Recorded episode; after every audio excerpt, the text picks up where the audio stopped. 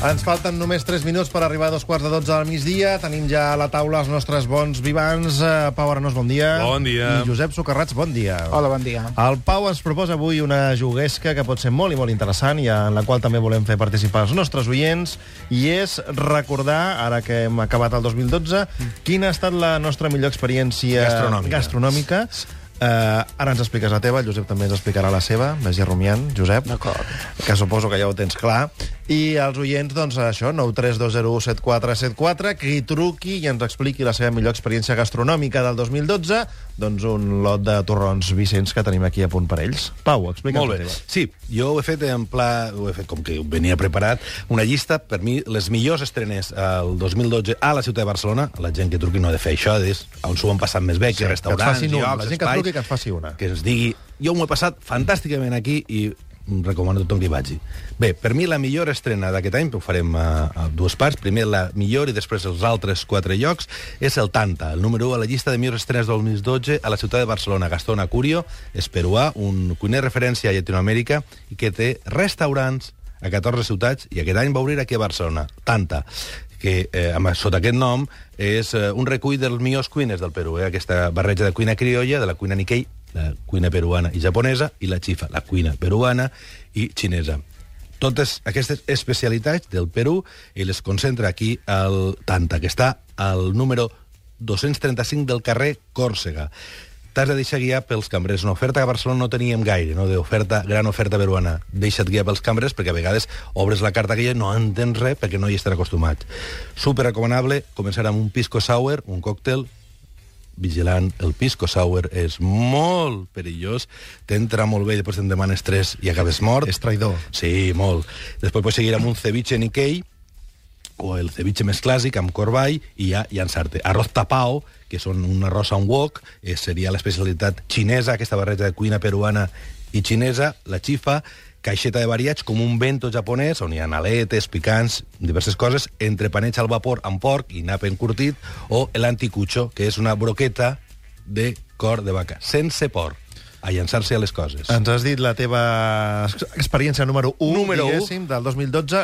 Li deixem al Josep la número 1, no sé si amb 40 segons tens temps, ni, ni que sigui avançar-nos. Però jo no diré una novetat, ara pensava que m'ha impactat molt d'aquest 2013 i pensava amb, el, amb les cols d'Olot, perquè vaig anar-hi i vaig redescobrir la cuina, o descobrir la nova cuina que estan fent ara, vegetal, molt bona. Doncs eh, valen tant eh, restaurants que s'hagin inaugurat el 2012, evidentment, o restaurants que, dels quals haguem gaudit aquest 2012, encara que siguin restaurants eh, doncs, que ja porta eh, temps oberts. Doncs ja tenim dues propostes fetes pel Pau Arenós i pel Josep eh, Socarrats. Eh, els oients que vulguin trucar al 932017474 i que ens diguin la seva millor experiència gastronòmica del 2012 ja ho saben que s'enduran un lot de torrons Vicenç. De moment tenim el Josep de Barcelona. Bon dia. Hola, bon dia. Explica'ns. Bueno, jo vaig anar aquest Nadal, hem, hem estat al restaurant La Barca, aquí a Calafell, Sí? a la carretera nacional, i van menjar un, bueno, un caldo de ceps, com si fos un, un xupito, però de ceps. I estava boníssim, una meravella. No l'havia no provat mai. Aquesta va ser la teva millor experiència gastronòmica del 2012? Sí, sí, Molt sí bé, perquè no, no, no, no, era una cosa innovadora, no l'havíem provat mai, i un ceps molt bo i era molt concentrat, i era un xupito, com si fos un xupito de beguda, però només de, de ceps. Doncs gràcies Va. per compartir-la amb nosaltres, un lot de torrons de Vicenç per tu. Vale, doncs moltes gràcies. Vinga, bon any. dia. El. Pau portava unes quantes sí. propostes més Sí, preparades. les altres estrenes, per mi, a la ciutat de Barcelona... Tu, el que dius tu tot són estrenes, eh? 2012, Els oients els deixem obligació, que sí, sí, diguin, la- diguin el que vulguin, perquè no... Les altres estrenes ha estat un any eh, molt fructífer, una gran feina per part dels emprenedors, gent que ha arriscat. Eh, N'hi ha eh, gent que ha tancat, però moltíssima més gent que ha obert, i això és realment encoratjador, no? Gent que s'arrisca, que eh, vens aquests vents huracanats i dius eh, vull fer coses interessants i demana eh, préstecs i, va, i els donen i fa restaurants. Bé, Chef Coco, que ha recuperat del pollastre a l'ast en versió luxosa. Eh? El primer Tanta, el segon Chef Coco, el tercer, per mi, seria el suculent del Carles Avellan, perquè ha revitalitzat la Rambla del Raval i la cuina tradicional. Un altre, el Tens, del Jordi Cruz, per apostar per la tapa creativa d'autor i atrevida en una ciutat dominada per la tapa zombi. Moltes vegades el món de la tapa mengem... És el millor moment per menjar croquetes de la nostra història, però no hi tantes croquetes, és necessari. I la última de les grans eh, eh, estrenes de l'any, la cinquena, seria El Kilo, vam parlar precisament la setmana passada, sí. del Manu Marín i la Clara Cil, cuina urbana amb K, hits de la cuina internacional, reinventada i dignificats. I encara farem una tercera entrega amb una, ja, eh, el, el, el grup el grup, el gruix de... Com es diu això en ciclisme? El, el, el, el piló. El, pues, Sembla que és el piló. Acabarem aquestes recomanacions de millors estrenes del 2012 ja citant... Bueno, però aquests són els destacats, això no és el piló, aquests són els Bueno, que... sí, sí, sí, la però- fuga, els escapats. Sí, els, diguéssim. els que hem dit són els escapats, ja era bé, aquest grup, aquest grup de resistents important. Molt bé, Josep.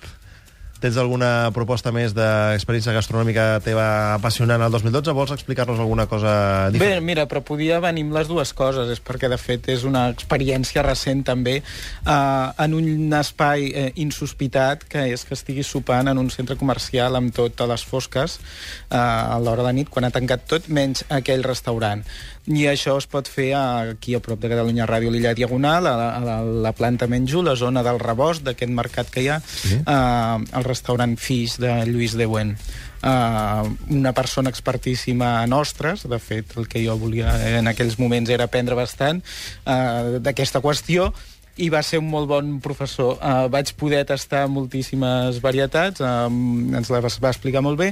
Tens allà diversos plats per tastar-les, no només d'ostres, també de tota mena de, de, de, de peix. No? Mm, Lluís de Buen també és un, un emprenedor que ve del món de la venda i distribució de, de peix i que està obrint ara uns formats de, de, de restaurant o de, o de bars d'ostres, barres d'ostres curiosos, en col·laboració amb el grup Tragalud en diversos establiments d'aquí la ciutat.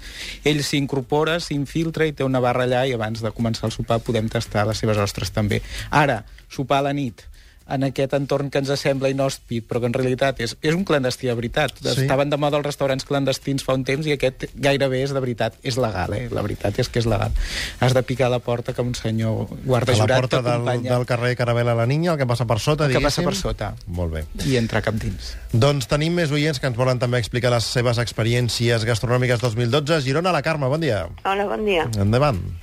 Doncs eh, a prop de Girona, molt a prop de Girona, tenim un poble que es diu Brunyola i allà hi ha un restaurant que es diu Castell de Brunyola. I és un lloc on, si vas i tanques els ulls, et trobes com si mengessis les coses de fa molts anys. És la cuina catalana de tota la vida, feta amb molt de compte, amb, molt de, de, amb molta estimació, i és un ambient doncs, molt senzill, molt casolà, amb unes taules llargues que quasi bé s'enganxen les unes amb les altres, amb pocs requisits de... mm, Poc, com, amb poc glamour per entendre'ns, però amb una cuina molt, molt, molt excel·lent. Eh, amb, jo ho recomano perquè, francament, ja era bo, però és que últimament s'hi estan esmerant moltíssim més. I jo em penso que perdre-s'ho quasi bé es podria dir que és un pecat culinari. Doncs queda apuntat, Carme, gràcies per trucar. A vosaltres, adeu. Tornem a Barcelona. Josep, bon dia. Hola, bon dia. No ets el, macet, el mateix Josep de Barcelona d'abans, eh? perquè lots de torrons, un per persona, eh? Mm. Endavant, explica'ns. Hola, bon dia. Gaita, us volia donar una recomanar un, un restaurant eh, que és, de, és a Berga, eh, que és l'hostal de Can Guiu. Eh, és un restaurant on s'hi pot menjar la cuina del Berguedà de tota la vida, les patates emmascarades, amb cansalada, el blat de moro escairat, es poden menjar doncs la gastronomia del Berguedà. I els preus són assequibles i es pot menjar molt però molt bé. I a més a més doncs estàs amb un marc eh, incomparable ja que estàs eh, molt, molt a la vora de la Font Negra. I és molt bonic i us ho recomano. Moltes gràcies, Josep. Doncs moltes gràcies a vosaltres I i, bon que dia. tingueu un feliç 2013. Igualment, el Pau ens explicarà ara... Eh, Acabo la llista aquesta, que La- final de la llista. amb el Tanta, Checocó, Suculent, Tens, Kilo i la resta de llocs, que és la cuina del Deó, o el 57, Carlota Canella, Black, Betlem, Lut de Gasbar, Cosquera, La Pastisseria, Foc Calanuri, Can Guinar, Ramen Yajiro, Riera 29, el Bar a Vins de la Moritz, Toto, Llamber, Dime i Cercle d'Amics. eh, eh, que un any hagi donat Déu-n'hi-do. tants restaurants, apertures interessants, eh, que hi ha hagut moltes altres apertures, però aquí destaquem les que a mi m'han semblat més interessants. Trobo que la vitalitat de la ciutat de Barcelona és extraordinària i que la gent no té por, el que parlàvem abans de eh, Luis de Buen i Maldonado, conegut com Genaro, que obre aquests nous formats de, de barres d'ostres, aquestes persones, clar, dius, ostres, com és possible no? que la gent encara tingui ganes de fer coses i per això necessiten clients que els acompanyin amb aquesta aventura. Tota aquesta llista, tants noms, segur que els oients no els ha donat temps d'apuntar-los tots. Ara el Pau ens ho deixarà, que nosaltres us ho oferirem a través del Facebook perquè ho pugueu consultar allà mateix i anar apuntant i fent la llista de totes aquestes propostes que fa el Pau, que segur que són totes molt i molt interessants. Josep, una cosa que sí, va, que avui estem positius. Avui estem positius. Mira, l'altre dia, el dijous passat, vam recomanar en Mirko Carturan de Caldes, eh, de Montbui, i el tornaríem a recomanar, eh? I vam comentar això, o sigui, que està molt bé, algú innovador també, atrevit i tal, eh, que s'escapa de les carns a la brasa, potser més clàssiques eh, i, de, i de tret més assegurat, no? Però he pensat, doncs mira, avui recomanem algú que faci molt bé la carn a la brasa en algun, en algun lloc fora de Barcelona i que, i que sigui recomanable. I per això he pensat en l'hostal Colomí de Santa Coloma de Caral, un lloc classiquíssim que ho porten les germanes Camps, com si fossin unes èmules de les germanes Reixac de, del, del Maresme, però en versió interior, i, i, el, i el fill i nebot d'un d'elles, en Pep, eh, gent molt especialista, bé, això en la, en la carn a la brasa, però també en els grans clàssics de la, de la cuina tradicional, guisats, peus de porc, eh, verdures a l'ast i tot això. En un...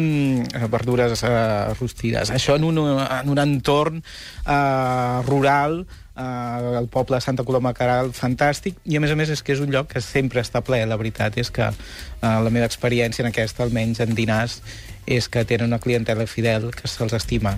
I això és un bon I jo termòmetre, bé, sempre. Ho, ho és bastant. A veure, la meva experiència allà també ha estat molt bona. Evidentment, no és una obertura d'aquest any, no sé no està el Colomí quants anys porta, però com a mínim l'ofici se'ls nota.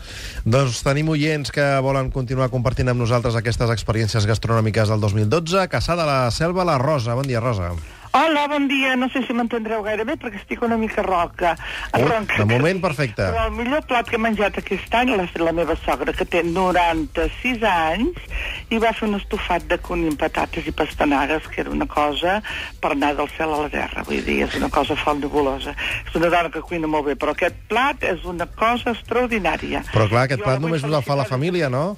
Mana? Que aquest plat només us el fa per la família. Sí, per la família. sort que teniu. Però jo voldria enronar a favor d'ella i en honor d'ella perquè cuina meravellosament i aquest plat és una meravella. Al final és que és veritat que la cuina de casa moltes vegades supera Sí. moltes i moltes de, de restaurants. I jo, eh, amb aquestes festes, soc Sí, sí, absolutament... i que costi que té 96 anys, eh? A vora de 97. Molt bé, Rosa, gràcies per Es trucar. diu Carme Bou i és de Caldes de Malavella. Doncs felicitats. La meva sogra. Vinga, Apa, bon dia. adéu-siau, bon any. Adéu, Per igualment. exemple, aquestes festes sóc absolutament partidari dels menjars a casa, no? Em sembla escandalós els preus que encara... Sempre defensen aquestes persones de la restauració pública, però també eh, destacant i senyalant quan les coses fan malament. Aquests preus absolutament desorbitats que es fan pels menús especials pues, eh, de Nadals o de Cap d'Any, eh, el pitjor servei, els pitjors menjars, les pitjors condicions, pels pitjors preus de l'any també, Sí. i no s'entén. No, dius, per què menjant això aquest any d'aquesta manera costa tres vegades més del que em costarà demà. Jo no ho entenc. Que totes les festes aquestes, els grans banquets, eh, fer festa a casa i celebrar-ho amb persones de 96 anys, o 86 o 75, no importa. I aprofitar fins al final. Sant Miquel de Balanyà, Josep Antoni, bon dia. Molt bon dia. Explica'ns. Uh, doncs mira, jo us volia recomanar el que és una obertura, si mal no recordo, d'aquest 2012. No és ben bé un restaurant, però com si ho fos, és la gelateria Rocambolesc a Girona, uh, el que és la pastisseria d'en Jordi Roca, els petits de, el petit dels germans Roca. Uh, I van poder-hi estar per fires de Girona i realment uh, va ser una experiència molt agradable poder provar uh, l'especial gelat de castanyes acompanyat de núvol de sucre i cirera caramelitzada. Realment va ser una experiència molt, molt bona i realment doncs, un, una, una, una gelateria que per si mateixa ja és recomanable i que qui no l'hagi provat doncs val molt la pena al centre històric de Girona, si mal no recordo, al carrer Santa Clara de Girona. Doncs que sàpigues, Josep Antoni, que la teva proposta ha rebut la benedicció tant del Josep com del, com del Pau, eh? Tots dos estan Jo molt d'acord amb tu. perquè és que realment val molt, molt la pena en qualsevol moment de l'any, eh? no fa falta pas que sigui l'estiu per anar a fer un gelat perquè les creacions d'en Jordi Roca valen, valen molt, molt la pena. Gràcies, Josep Antoni, bon dia. Bon dia. Fem una última ronda ràpida que no? Que no, sí, Vinga. un que no. Mira, vam parlar d'un llibre mediàtic que vam dir que no, de José Ribagorda, que és eh, presentador informatius de Telecinco, la gent aquesta famosa amb cara, es veu que tenen l'obligació de treure, a més, llibres de cuina, no tenen prou d'escoltar les seves opinions, a més també han de contar de cuina, que es deia Cocinero sin estrella, i subtitulat Un recorrido gastronómico por los mejores restaurantes aún por descobrir. I eren restaurants que havíem descobert tothom, o sigui, coneguts pel món gastronòmic, absolutament, però ells pensen que el descobreixen. Bé, el segon que no m'agrada d'això és un d'un altre personatge famós, eh, polèmic, eh, radiofònic en aquest cas, també televisiu, Carlos Herrera, locutor, eh, bueno, que les seves opinions... Sí, ja sabem Hem de suportar les seves opinions eh, polítiques, pues, també les gastronòmiques, perquè té un llibre que es diu Mis recetes eh, favorites. I l'irritant és el pròleg, perquè per autojustificar el gust per una cuina més o menys popular, fantàstic, es burla de l'avantguarda. Cal no coneixem a cuiners creatius que, o cuiners de l'avantguarda que per parlar-hi eh, a favor de la seva cuina hagin de criticar la cuina popular, la cuina tradicional. Al contrari, la defensaran um, a mort, no? Pues, eh, aquests personatges, eh, per, per parlar-hi de les coses que li agraden, de flamenquines, del que sigui, eh, pues, de carregar aquesta cuina molt delicada i que moltes vegades dona la impressió a la gent que el que està en perill és la cuina tradicional, no? Al contrari, el que està en perill de veritat i que està en perill d'extinció a punt de morir és l'alta cuina, la cuina creativa. És una cuina molt artesana, eh, sembla molt tecnificada, però en realitat és artesania feta amb mans, feta amb idees, feta uh, d'una manera molt delicada, i aquesta, si no ens uh, la protegim, si no d'això, Els febles sempre són els que hem de, hem de cuidar i protegir. Josep, l'última que no. Mira, ara que acabem aviat les festes de Nadal, que mai més ningú em regali ni figuretes de massapà ni polvorons, si no és per demostrar-me que n'hi ha de bons, perquè al llarg de la que- meva que- vida... que t'ho dient. No, sí, és que no n'he tastat cap de bo. No sé si, si, si no hi he arribat a mi el polvoró m'agrada el primer, o sigui, jo menjo un polvoró i em sembla bo, i el tercer dic, no, jo... Ja, és una cosa... No, perquè amb torrons n'hi ha molts de dolents, n'he tastat de bons, l'altre dia aquí també vam parlar de niules bones i n'hi ha moltíssimes de dolentes, no? A mi n'hi ha un torró que m'agrada molt, per mi una de les novetats importants de l'any, eh, de torrons Vicenç, precisament, el, aquest que és salat, un torró que és salat, que du una mica de pols de tomàquet. M'ha sorprès molt, un dels torrons apassionats d'aquest any, de veritat. Doncs Josep Socarrats, eh, Pau Arenós, moltíssimes gràcies per venir, com cada dijous, a aquests bons vivants del matí de Catalunya Ràdio, i fins la propera. Adéu. Fins la propera. Nosaltres fem una pausa i farem un petit record de Charles Dickens, que aquest 2012 era el seu 200 anys, 200 aniversari del seu naixement.